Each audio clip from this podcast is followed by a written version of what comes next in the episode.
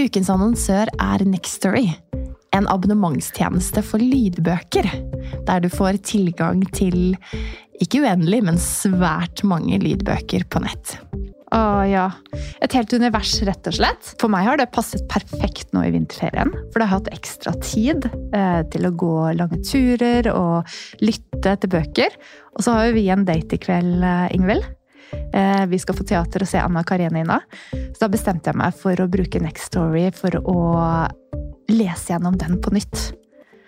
Og det er bare helt fantastisk roman fra 1870-tallets Russland som jeg anbefaler alle å utforske, fordi den er like aktuell nå i 2024 som eh, den gang den ble skrevet. Men det er jo så fint, da, ikke sant? Og uavhengig av om eh, man har vinterferie eller mer tid til overs, så har man også disse små lommene i hverdagen. Du kan ha boken på øret, og du kan brette tøy, eller du kan sette på en klesvask, en oppvask, whatever og dykke inn i dette universet. Og det er jo det som er så fint. I, eh, I, tillegg, da, når uh, disse små Dine kommer med den samme boken for 15. gang, Ingvild, og spør ja. mamma kan du lese denne, så er selvfølgelig det veldig hyggelig, men det kan også være eh, vel så hyggelig å, å få eh, boken servert fra noen andre, så kan man lytte sammen. Eh, vi har hørt mye på Albert Aabergs lydbøkene i Nextory, for det er et univers som både min femåring og min toåring elsker. Ah, det er fantastisk. Man kan finne så mye flotte verdener og opplevelser i gode bøker. Og du som lytter til oss, kan nå få seks uker med fri tilgang til Nextory hvis du går inn på linken nextory.no engler. Så gå inn der, bli med oss eh, og utforske bokuniverset. Og så håper jeg at du har like stor glede av det som vi har.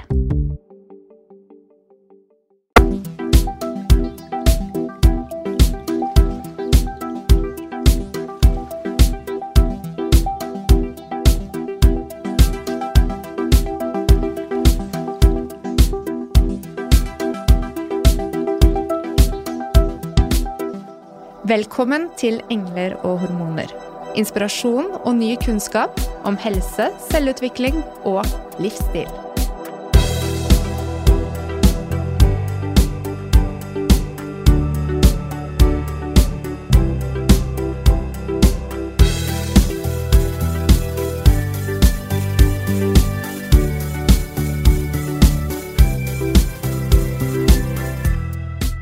Hei, kjære lytter. I dag skal vi snakke om noe så spennende som overgangsalder og hormonterapi. Og dette er kjempeviktig at vi får løftet frem og får mer kunnskap rundt. Fordi overgangsalder, det er en periode vi alle kvinner møter. Og så er det også andre eh, områder eller sykluser av livet der vi kan ha nytte av hormonterapi. Og for å dele både erfaringer og kunnskap med oss, så har vi to flotte gjester i sofaen. Velkommen, Anita Hegge. Tusen takk, og tusen takk for at jeg får komme. Igjen. Igjen? Ja. For gang nummer tre. Ja. Helt fantastisk å ha deg her. Takk. Det er fantastisk å være her. Og så eh, snakket du litt om at dette kan jo bli en liten triologi med en type rød tråd i hvordan livet utvikler seg. Mm. Fordi eh, Anita, over det siste året så har vi sett at det har vokst frem eh, en ny retning i hvordan du jobber. Vil du fortelle oss litt om det? Mm. Og veldig spennende. Jeg har jo jobbet med helse for så vidt i mange år når jeg har jobbet med yoga. Eh, men eh, den siste tiden så har jeg jo blitt eh, veldig mye mer oppmerksom på hva symptomer på overgangsalder har gjort med meg. Og jeg er jo en person som må ha lidenskapen med meg når jeg jobber. Jeg går jo inn med hud og hår. Og derfor har jeg valgt å fokusere tiden min nå på å jobbe med Kall det gjerne kvinnehelse, men fokuset mitt er jo på overgangsalder. Og hjelpe bedrifter med å tilrettelegge, rådgi kvinner i forhold til hvordan man kan få det best mulig. Og det er jo basert på erfaring over veldig lang tid, eh, hvor jeg selv har hatt symptomer som jeg ikke har gjort noe med, mm. Eh, og merket hvor, eh, hvor mye det påvirker livet. Ja, så var det noe som skjedde, og den noen som skjedde, det var kanskje hun som sitter ved siden av deg i sofaen. Mari, Mari Ellingsen Shamas, velkommen til studio. Tusen takk. Hva er din rolle i overgangsaldereventyret? overgangsalder-eventyret? Å, for et eventyr. altså, det kom egentlig litt sånn uventa. Jeg har jo studert medisin, og på medisinstudiet lærte vi omtrent ingenting om overgangsalder. Også hvis en kvinne ikke lenger menstruerte, så var hun egentlig ikke noe særlig interessant, for da kunne hun ikke bli gravid, og da var det ikke så mye som var eh, noe vi skulle bekymre oss for. Eh, og så eh, syns jeg jo gynekologi og fødselshjelp var det aller mest spennende faget da jeg var medisinstudent, og jeg endte da opp med å spesialisere meg innenfor det. Eh, og selv i den utdannelsen der, som tar fem og et halvt år, hvor du er på sykehus, så var det minimalt med eh, opplæring innenfor overgangsalder. Eh, og det var egentlig først da jeg litt sånn tilfeldig fant en podkast eh, av dr. Louise Newson, som er en britisk lege og menopausespesialist, Eh, at jeg først ble fanget av dette overgangseventyret. Eh, og tenkte at her er det så store hull eh, og mangler innenfor kvinnehelse at dette må jeg bare jobbe mer med.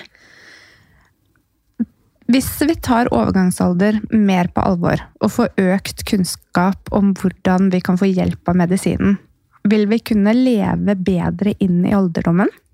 Absolutt. Uten tvil. Mm. Det er utrolig mange studier som bekrefter dette.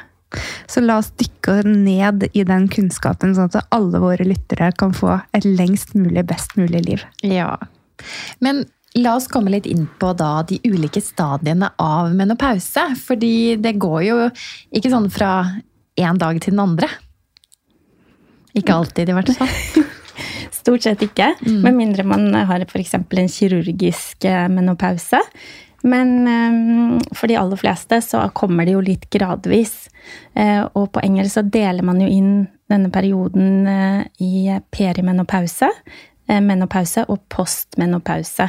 Mens på norsk så bruker man jo stort sett ordet overgangsalder og kanskje førovergangsalder. Eh, men om vi skal bruke disse engelske uttrykkene, perimenopause, så betyr jo peri rundt menstruasjonsslutt. Så det betyr liksom tiden før og rundt eh, man faktisk mister mensen. Eh, og det kan starte gjennomsnitt opp mot syv år før man faktisk mister mensen. Og det å komme til menopause, det er sånn som man først kan se ett år etter man ikke, at man ikke har menstruasjon på et år. Eh, da kan man først si at ja, men da hadde jeg menopause. Det er egentlig kun en dato i en kvinnes liv. Mm. Eh, og så er jo postmenopause da resten av livet i etterkant. Mm. Gjennomsnittsalder for menopause er 51-52 år i Norge.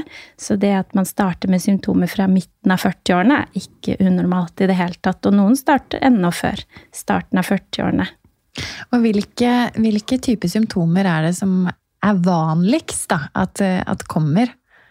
Ja, det er, det er, eh, Altså, man kan få symptomer fra topp til tå.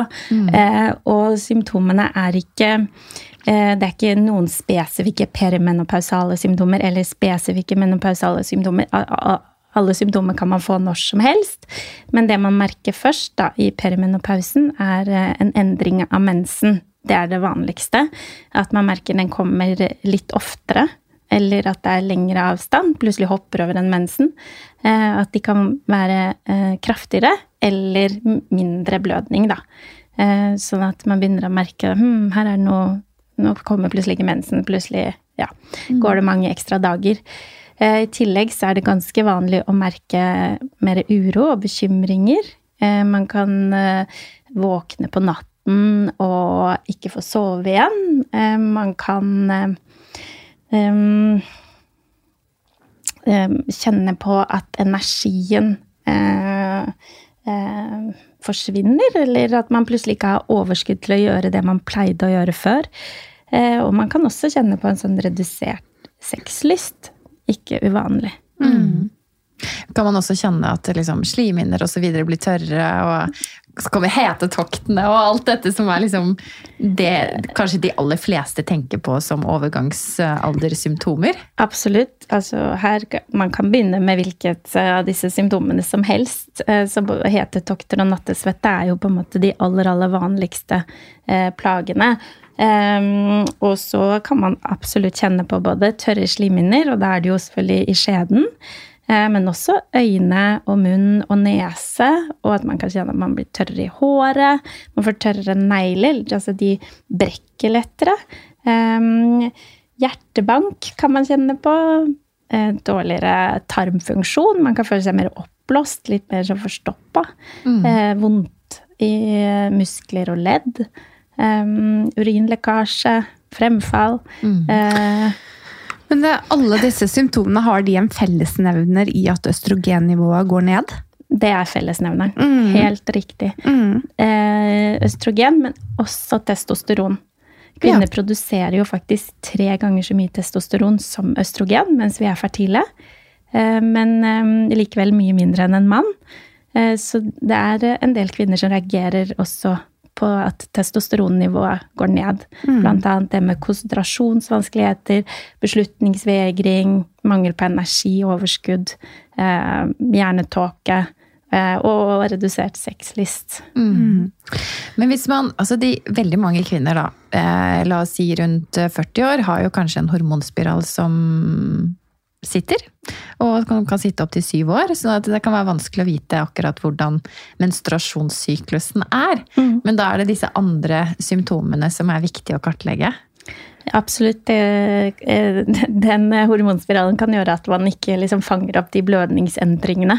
Så da må man være litt mer på, på alerten og tenke seg om når det kommer til alle de andre symptomene. Og bare det å vite at man kan få symptomer, både fysiske og psykiske, eh, og kanskje klare å sette sammen disse eh, dottene til at man klarer å gå til legen og si at du vet du, jeg tror at eh, jeg er perimenopausal. Mm. Ja, er viktig. Så hvis man sitter der og tenker på det, da, så her, her finner jeg mye som jeg kjenner meg igjen i. Bør man da gå til legen for å få hjelp også før man har mistet menstruasjon? Absolutt. Mm. Eh, hvis man har eh, påvirket eh, livskvalitet, mm. redusert altså søvn, så påvirker jo det hele, hele, livet ditt. Evnen din til å stå i arbeidslivet, evnen til å være god, et godt familiemedlem, både for partner og barn. Jeg tenker at det er kjempe, kjempeviktig. Ja. Og da, for å være oppmerksom på det, da, så kommer kanskje du inn Anita. Mm.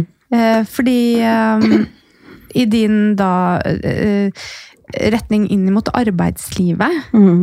hvordan vil du råde på den arbeidsplass og kanskje den enkelte kvinne å forholde seg til disse litt sånn snikende symptomene? Mm. Ja, altså, det er jo en liste som ikke nødvendigvis er så Hva skal jeg si? Det er ikke noe man har lyst til å identifisere seg med. Og det er ikke noen morsomme symptomer. og jeg tenker at vi vi møter oss selv kanskje litt i døren, da, fordi vi har jo brukt mye krefter på karrieren vår, i hvert fall veldig mange har det. Eh, vi vil være on top of it hele tiden. Og så merker vi at ok, det er vi ikke, og så skjønner vi kanskje ikke helt hva som skjer selv engang. Eh, og da er det jo litt krevende å begynne å snakke om det og vise seg fra en side hvor man må vise noen jeg vil ikke kalle det svakhet, men man, man, må vise frem en side av seg selv som er egentlig kanskje privat, og noe som man ikke helt skjønner selv. Men jeg tenker at det her er det, det er to ting. Det ene er jo at arbeidsgiver har et ansvar for å for å kartlegge og forstå hva liksom, kvinnene hos oss, hvordan har de det? Hvordan har de kvinnene som er, eh, er, i denne situasjonen og som har symptomer? Og så er det jo ikke alle som har symptomer, men de som har symptomer, hvordan, hvordan, hvordan er det å jobbe hos oss i en sånn setting? Hvordan, hvordan snakker lederne våre om dette temaet? Hvordan klarer man å kjenne igjen en som kanskje sliter. Eh, så det er én ting. Eh, men det andre er jo at vi også har et ansvar selv for å for å sette ord på det. Eh, for eksempel, jeg har jo jobbet i mange år med ganske intense hetetokker. Eh, hetetokter, heter det kanskje. Eh, men jeg har jo aldri på en måte bedt om hjelp til å håndtere det. Det er liksom, Du tar de jokesene som kommer når du står der og presenterer, og eh, liksom hetetokken kommer, og det er jo ikke noe gøy. Det er jo ikke noe gøy, fordi du kjenner jo at du får eh, hjertepumpa går, og svetten eh, siler, og du føler deg ikke så fresh. Eh, du klarer ikke å konsentrere deg om det du egentlig skal snakke om. Og da hjelper det jo ikke at liksom kollegaen din drar en vits, da. Mm. og da tenker jeg at hvis jeg kunne ha eh, snakket med kollegaene mine og sagt at vet du hva, når det skjer, eh, så hadde det vært til stor hjelp for meg om kanskje overta ordet. Mm. La meg få lov til å miste fokusen i et minutt eller to, og så kommer jeg tilbake igjen. Ja, Teamwork. Teamwork, ikke sant? Eller lukke opp vinduet. Mm. Det føles litt som forlengelsen av en episode vi laget med Kate eh, om det å legge opp arbeidsdagen etter syklus. Mm. For det er jo sånn videre inn i syklusen eh, sine ganger, da. Eh, men er det også litt tabu å snakke om dette her? Jeg tror det er veldig tabu. og det ene er jo at i Norge så er vel kanskje alder generelt litt tabu. og når du da igjen tilbake med dette at du må du må fortelle deg om noe som du er litt ukomfortabel med selv, noe som du tenker at dette er å vise litt svakhet, dette er å vise et alderdomstegn. Mm. Det er ikke noe vi har lyst til, det er ikke noe som er lystbetont. Og så er jo overgangsalder i seg selv ganske stigmatisert, eh, som gjør at det er litt sånn tabubelagt og liksom skambelagt. Da. Mm. Veldig mange som ikke forstår så mye av det. Vi har jo vært i en sånn mørkealder i mange, mange år når det gjelder liksom, kvinnehelse generelt, men liksom mange av disse litt eh, Hva skal jeg si eh, Veldig tydelige tegnene på at du er en voksen kvinne, da. Ja. Det er jo liksom sånn samfunnssjargongen rundt det. Altså, mm. ja. Eh, vi har en vei å gå der, men jeg tenker sånn Hva er interessen for med noe pause og for å støtte kvinner i denne tidsepoken sin eh, rundt omkring i verden, så med tanke på forskning og vi, Står vi ved et skifte nå? Ja, vil jeg si. Eh, som eh, i mine øyne startet i England, og med dr. Louise Newson, som eh, da selv kom i overgangsalder og fikk beskjed av sin lege om at hun får ikke noen hormoner herifra. Det syntes hun jo var litt dumt, for hun klarte ikke å gå på jobb. Eh, så da begynte hun selv å forske ned i temaet og gå gjennom alt av studier som, eh, som er gjort på hormonterapi, og fant ut at eh, der var helsepersonell misledet og misinformert. Så, jeg, så, etter det så har hun skapt sitt eget univers, egentlig, mm. som, som, brer om seg. Ja, for det er Women's Health Initiative 2001, hvis jeg husker riktig, en publisering Unnskyld. 2000, 2002, beklager. Um, som, uh, som, uh, som, satte fokus på kreftrisiko ved bruk av hormonterapi.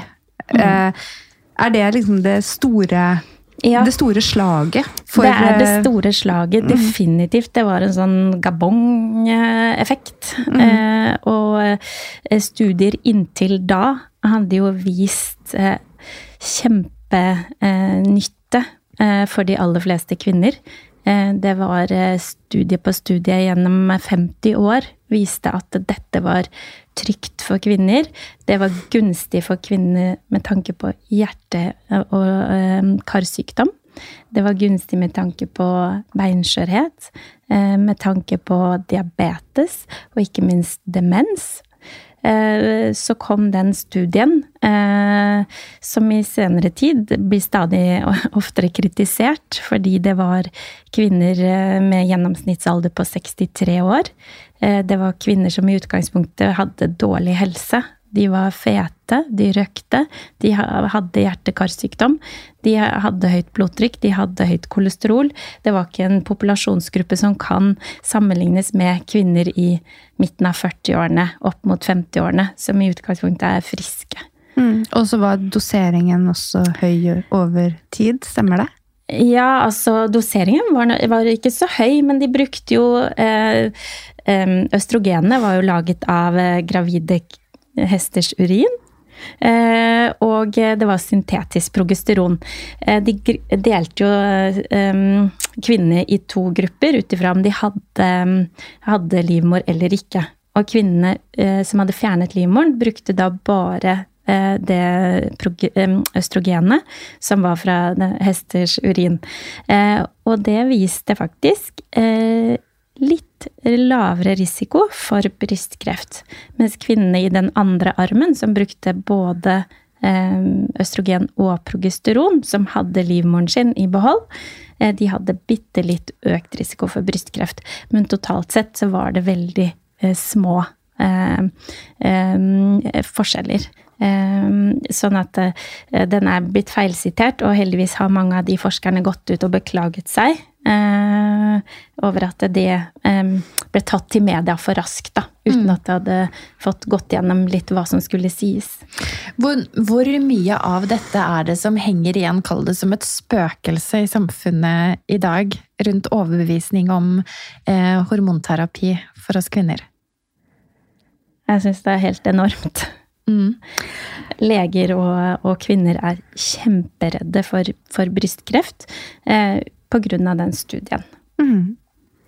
Og når du går på offentlige helsesider, sånn Helse-Norge, også Kreftforeningens sider, så er det jo med referanse til den studien, mye av det som ligger der.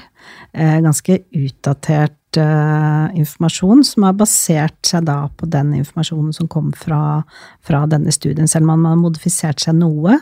Og som jo gjør at Eh, f.eks. brystkreftrammede er eh, i liksom den generelle anbefalingen i Norge, er at man ikke skal gi kvinner som har brystkreft, hormonbehandling overhodet. Mm. Uh, og jeg tenker jo at den, når den studien ble lansert, det er jo et skoleeksempel på hvordan hvordan eh, PR-aktiviteter virkelig har effekt. Da. Fordi her var det jo informasjon som kom ut med russiske prosenter, og det var jo ikke på en måte tolket godt nok av de legene som skulle publisere artikkelen. Fordi her kom pressemeldingene først, i en sånn ferieperiode. Og så ble det bare grabbet av alle de store avisene over hele verden. Mm. Som gjorde så enorm, enorm effekt. Mm. Så bare her i Norge så var det jo en nedgang fra nesten 200 000 kvinner som brukte HRT, til var det 50 000. Eh, som stå, det står i blant annet denne rapporten, den store forskjellen. Så det var en markant dropp i kvinner som da brukte hormoner. Umiddelbart etter at den, eh, den ble lansert, den eh, undersøkelsen. Det har gjort vanvittige effekter. Mm. Man fjernet vel også all informasjon, all, all undervisning om overgangsalder på gynekologstudiet, f.eks. Men her sitter jo du da, Anita. Du har hatt brystkreft, mm. og du bruker hormonterapi. Kan du fortelle litt sånn om den, kall det reisen? Mm. For jeg husker da du satt i studio sist, så var det tydelige hetetokter. Og det var, mm. vi måtte ta litt pauser, og det var hjernetåke. Ja. Definitivt. Jeg, eh, det begynner å bli noen år siden jeg hadde brystkreft. Det var i 2008, så jeg var ferdigbehandlet sånn sent i 2009. Eh, og da fikk jeg jo, uten at jeg egentlig forsto så mye av det, så ble jeg jo fortalt at du kommer til å bli liksom katapultet inn i overgangsalderen din fordi, eh, på grunn av behandlingen, på grunn av cellegiften. Eh, og da Det første jeg merket, var jo intense hetetokker. Og de har jo vedvart i veldig mange år. Eh, og så underveis her så er det jo veldig vanskelig å skille i en sånn situasjon hva er eh, det at du er sliten etter en behandling, liksom hvordan skal du føle deg etter en sånn behandling, hvor mange år skal det ta? Men underveis her så har jo liksom symptomene blitt veldig, veldig tydelige.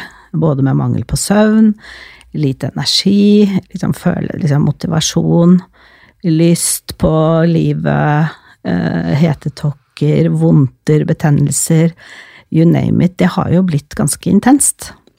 Og så har jeg hele tiden tenkt ja, men jeg kan jo ikke ta noen hormoner. Jeg har egentlig ikke lagt det på skåla for overgangsalder heller. Eh, fordi jeg visste ikke.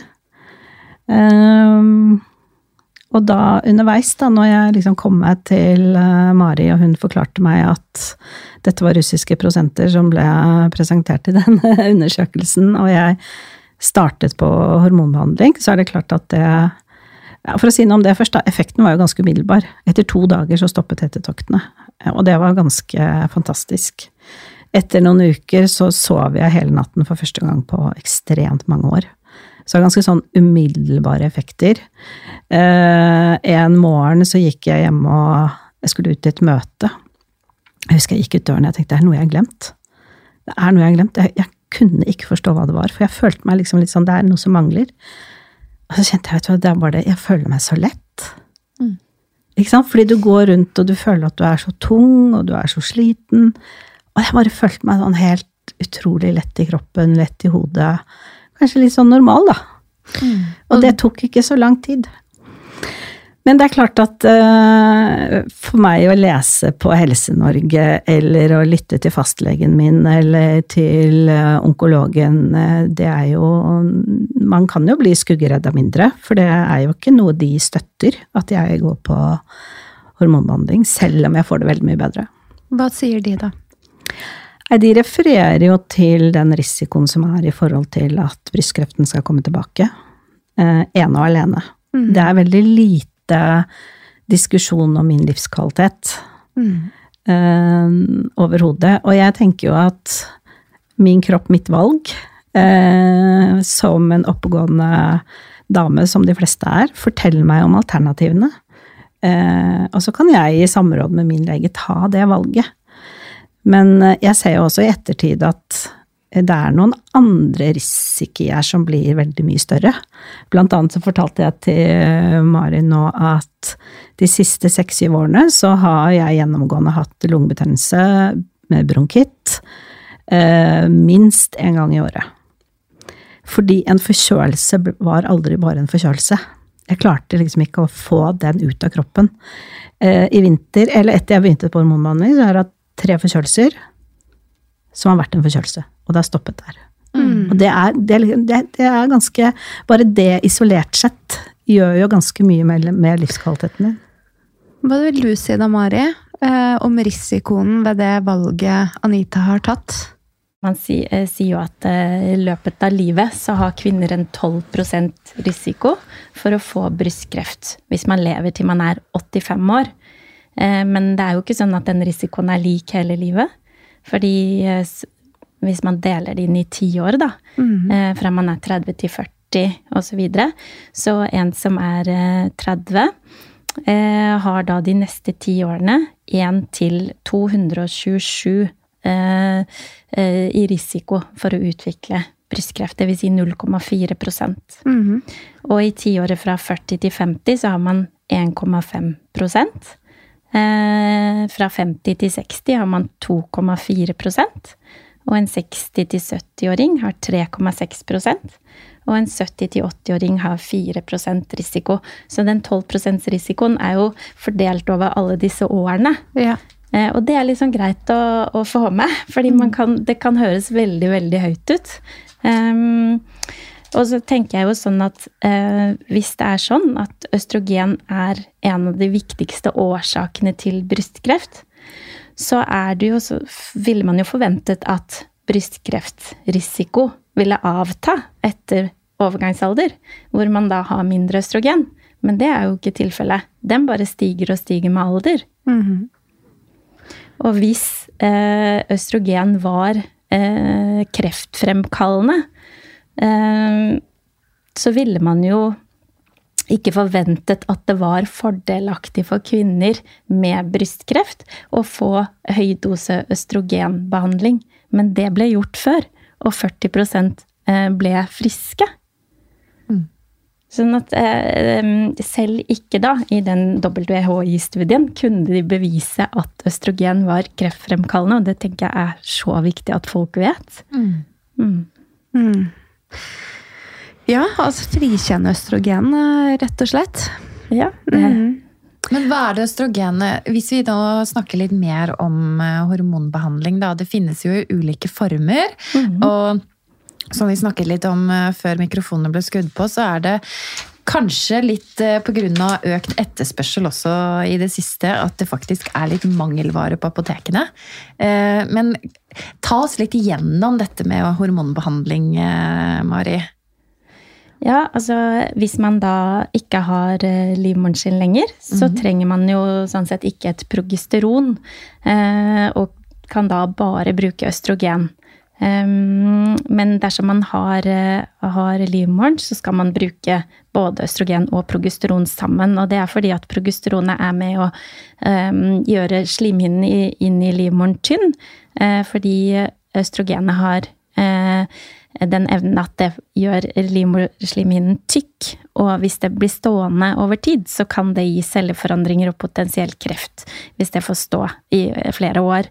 Eh, Så derfor er det viktig at bruker man eh, østrogen, så må man også bruke et progesteron eh, dersom man har livmor. Men det fins jo forskjellige varianter. Eh, og det som eh, man bruker mer og mer nå, da, blant de som er oppdatert og har tatt menopausekurs osv., de bruker jo det som man kaller for kroppsidentiske hormoner. Eh, Ikke hesteurin. ikke hesteurin. Disse er laget av grønnsaken yams. Eh, og det er eh, da helt identisk med det eggstokken din selv produserer, og er forbundet med veldig lite bivirkninger. Og da får man det som et plaster, eh, eller en gel, eller en spray, og man tar østrogenet da via huden. Og da øker man heller ikke risikoen for blodpropp. For østrogen som man tar som en tablett, både p-piller og HRT, eh, øker risikoen lite grann for blodpropp. Men eh, hvis man tar østrogen via huden, så øker man ikke den risikoen, og da kan også kvinner som tidligere har hatt blodpropp, eller som har økt risiko for blodpropp, bruke østrogen via huden. Here, here. Det også er jo mange som ikke vet. Det er veldig Og- mange som ikke ja. vet, og veldig mange som blir nektet Ja. eh, hormontilskudd av den grunn, da. Men hva med disse um, Vagifem eller eh, vaginale stikkpillene? Eh, kan vi snakke litt om, om de også? Kan vi gjøre. Ja. Eh, men kan jeg bare fullføre Ja, litt med ja, selvfølgelig! Det må du gjøre. Ja, fordi progesteronet, der er jo f.eks. hormonspiralen Mirena. Den er jo mange som bruker. Eh, og, og den kan man da kombinere med østrogen via, via huden. Eller så bruker man eh, syntetisk eh, progesteron, som også er som en tablett. Eller da kroppsidentisk progesteron, som vi kaller for mikronisert progesteron, eh, som kommer som en sånn kapsel. Eh, så det er mange, mange varianter. Eh, og det fins også kombinasjonsplaster med østrogen og progesteron. Eh, men da plaster har vært vanskelig å få tak i det siste året. Mm. Ja, og så vaginalt østrogen. Der eh, er det eh, vagitorier da, som man putter oppi skjeden, eller eh, kremer som man kan smøre i skjeden og utvendig. Eller gel også fins som man kan putte i skjeden, og det er med å smøre slimhinnen. Man kan liksom se for seg skjeden som et rør, og som når man er yngre og er fertil, eh, så er det Du kan se for deg en raggsokk. Litt sånn tjukk raggsokk som du krøller litt ned på, på en måte nedover leggen. Det kan minne litt om skjedeveggene, fordi de er robuste og de er kraftige og de er litt ruglete. Men etter hvert som man har lite østrogen, så blir vevet rett og slett tynt og sart og mer som en sånn nylonstrømpe som lett forrifter. Sånn at um, det er mange som opplever at det plutselig blir ubehagelig å ha samleie, at man får sår, eh, at det kan være mer sopp, eh, mer urinveisinfeksjoner, bakteriell vaginose, urinlekkasje. Da er det lurt å bruke lokalt østrogen i skjeden. Det er med å forebygge disse tingene. Finnes det noen øvrig aldersgrense for, eh, for disse? Ingen øvrig aldersgrense, men hittil har man gått for at um, man skal helst ikke være mer enn ti år etter man mistet mensen, uh, før man starter på hormonbehandling. Um, og, og en slags øvre aldersgrense på 60 år. Men der er også de i England blitt mer og mer liberale og tenker at uh, nå må kvinnen faktisk få lov å skje, ta skjea i egen hånd og gjøre seg opp en mening, og at ikke vi leger skal være eh, den som tar disse avgjørelsene mm. helt, da. Men at det kan være en, en samtale. Um, hva vil liksom forskjellen være på Hvor på en måte uh, Nå spør jeg kanskje litt sånn teknisk, men disse vagitoriene, uh, som jeg har forstått, så vil de også kunne påvirke sånn som blæreslimhinnen. Uh, men hvor på en måte bredt vil det eh, gå, sammenlignet med den som er mer systemisk og fungerer mer på, i hele kroppen? Um, det er litt uh, Ja, usikker på spørsmålet, men, men det uh, lokalt østrogen hjelper for, da er jo urin, urinlekkasje, litt fremfall og urinveisinfeksjon. Men det fungerer ikke inn i urinblæren. Nei. Det gjør det ikke.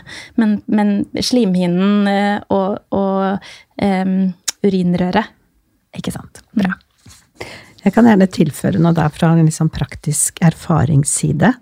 Eh, og det er jo også litt da til denne målgruppen som kanskje blir også må slåss for å få faktisk lokalt østrogen, som jeg måtte gjøre eh, for noen år siden. Eh, og da var det etter en periode med seks-syv antibiotikakur etter hverandre pga. urinveisinfeksjon, eh, og som du da blir ganske kjapt slipper å få da, når du begynner på lokalt østrogen. Så jeg tenker at det er også viktig informasjon ut til, eh, til denne målgruppen, at det er noe som er veldig trygt. Hvis du er, liksom, er i tvil, men du har disse plagene, så, så finnes det hjelp på det.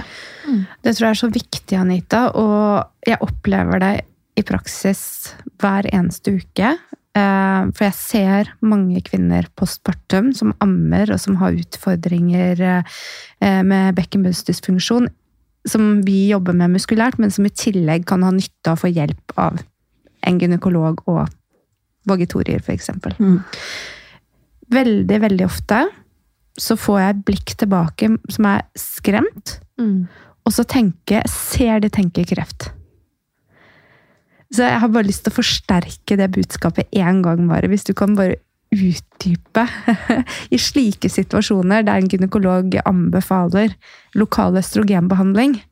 eh, Hva er risikoen, og hva er fordelen? Eh, Lokal østrogen, da tenker du i skjeden? Ja. Eh, Det er ingen risiko.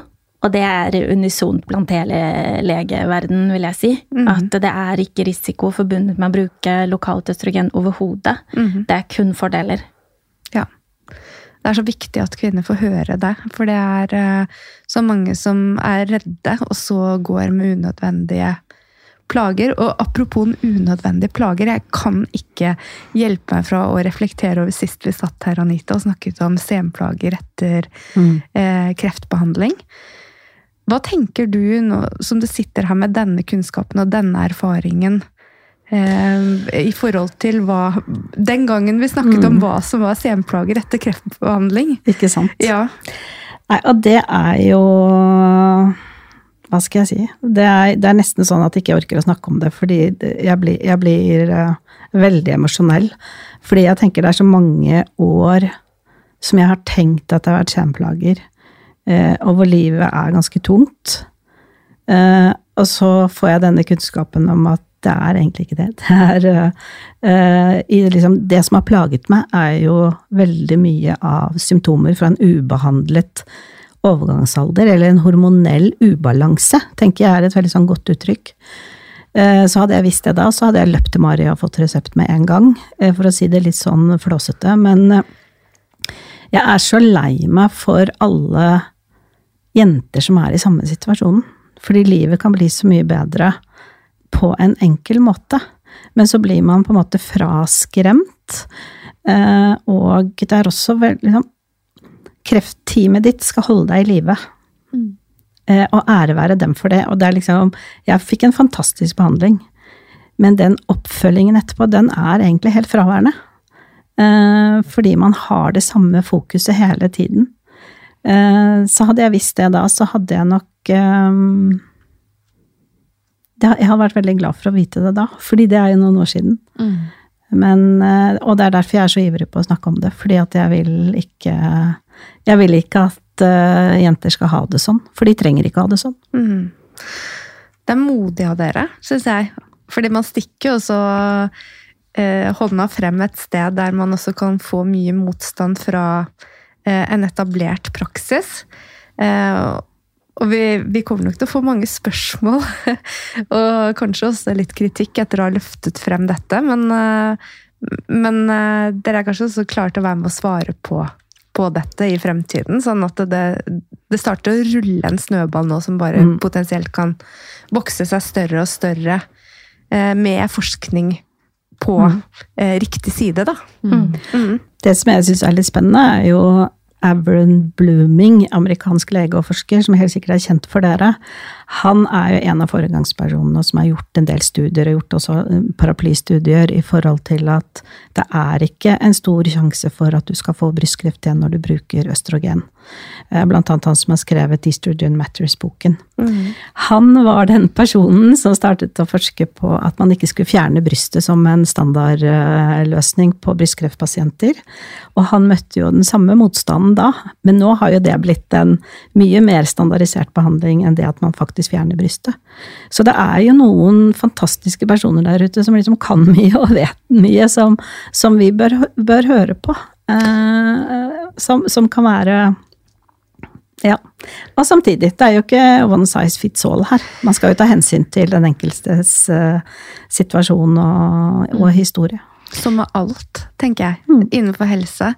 Men eh, det er jo også en form for mangel på normalitet rundt det å være en kvinne da med hormonell ubalanse, og så mye det utfordrer en kvinne egentlig på høyden av sin karriere. Eh, og, og det at en moden kvinne da skal stå og ha hjernetåke og svettetokter og føle seg ukomfortabel og ikke kunne prestere på toppnivå, det frarøver jo også samfunnet vårt og bedrifter og eh, familier en sterk, sterk person. Mm. En stor ressurs. Og det er jo dr. Louise Newson som Mari refererer til. Hun har jo gjort en del eh, undersøkelser på bedrifter de har vært ute og jobbet i, og også med pasienter som kommer til henne. Og da er det jo 20% som svarer at de har ikke søkt på hva skal man si, en forfremmelse i selskapet de jobber, fordi at de er preget av symptomer. Fordi dette går jo veldig utover selvfølelsen. Så det betyr jo at man mister viktige ressurser i et bare i et selskap. Tenk på helsevesenet vårt. Tenk på hvor stor kvinneandel det er der. Hvor mange som slutter fordi de ikke orker. Hvor mange som jobber redusert fordi de ikke orker. Så dette er jo Det er jeg helt enig med deg, Mona. Dette er et uh, samfunnsproblem. Mm. Dette er ikke et problem for den enkelte. Eller liksom det ubehandlede. uh, ubalansen, den er et uh, problem for samfunnet vårt. Som vi må gjøre noe med for å klare å holde hjula i gang. Men jeg syns det er så interessant å tenke på sånn altså, Vi har menstruasjon, og så har vi graviditet. eh, og så har vi overgangsalder. Sårbare hormonelle endringsperioder. Der vi kvinner kanskje trenger å planlegge på en annen måte enn menn for å fungere optimalt. Eh, men så blir det egentlig også så mye tabu rundt å ta hensyn til det. Hvordan kan vi snu narrativet på, på den historien? Sånn at det skapes en faktisk endring som føles bra, ikke bare som en sånn plaster på såret. Jeg syns eh, en av de tilbake til engelske damer som jobber med et eh, selskap som inspirerer meg veldig mye, jobber med bedrifter. eh, der er Deres nøkkel er jo kunnskap er makt. Ikke sant? Vi må utdanne kvinner for at de skal kunne ta grep om situasjonen selv. Uh, og da blir det liksom Da får du en helt annen power. Du, får, du blir liksom empowered på en helt annen måte. Um, så jeg tenker at vi, vi må starte med å snakke om det, og vi må starte med å utfordre, sånn som vi gjør nå, eh, for at det skal bli trygt å snakke om det. Mm. Um, jeg har eh, vært og snakket med, i litt forskjellige bedrifter og snakket med forskjellige kvinner, og foreslått kanskje vi skal ha eh, en overgangsalderambassadør hos dere. Og det er sånn Nei, nei, nei. nei. Det, det kan jeg ikke fronte. Mm. Og det, og det er det vi må vekk ifra. Eh, fordi det er naturlig. Eh, og så må vi finne en måte å snakke om det på som er Vi må, vi må bare snakke om det. Og dette går jo ikke utover bare kvinner, dette går jo utover kjærester og menn og partnere og barn og det som er. Jeg bare lurer på om vi kan løfte frem også noen posit flere positive sider ved endringsprosessene som, som gir den styrken.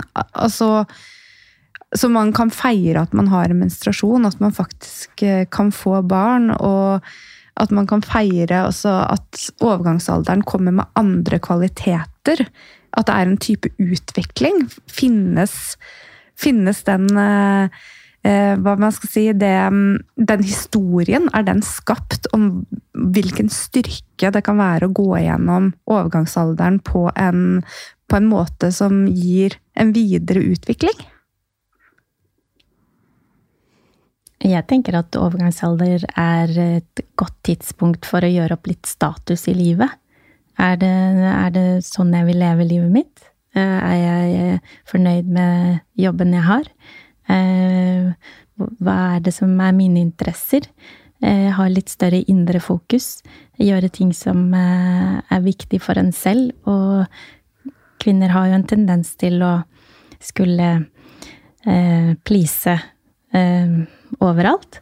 Kanskje man skal være litt eh, mer innadrettet og, og, være litt tøffere og si mer nei, og, og, liksom oppleve at man har større kontroll på livet sitt.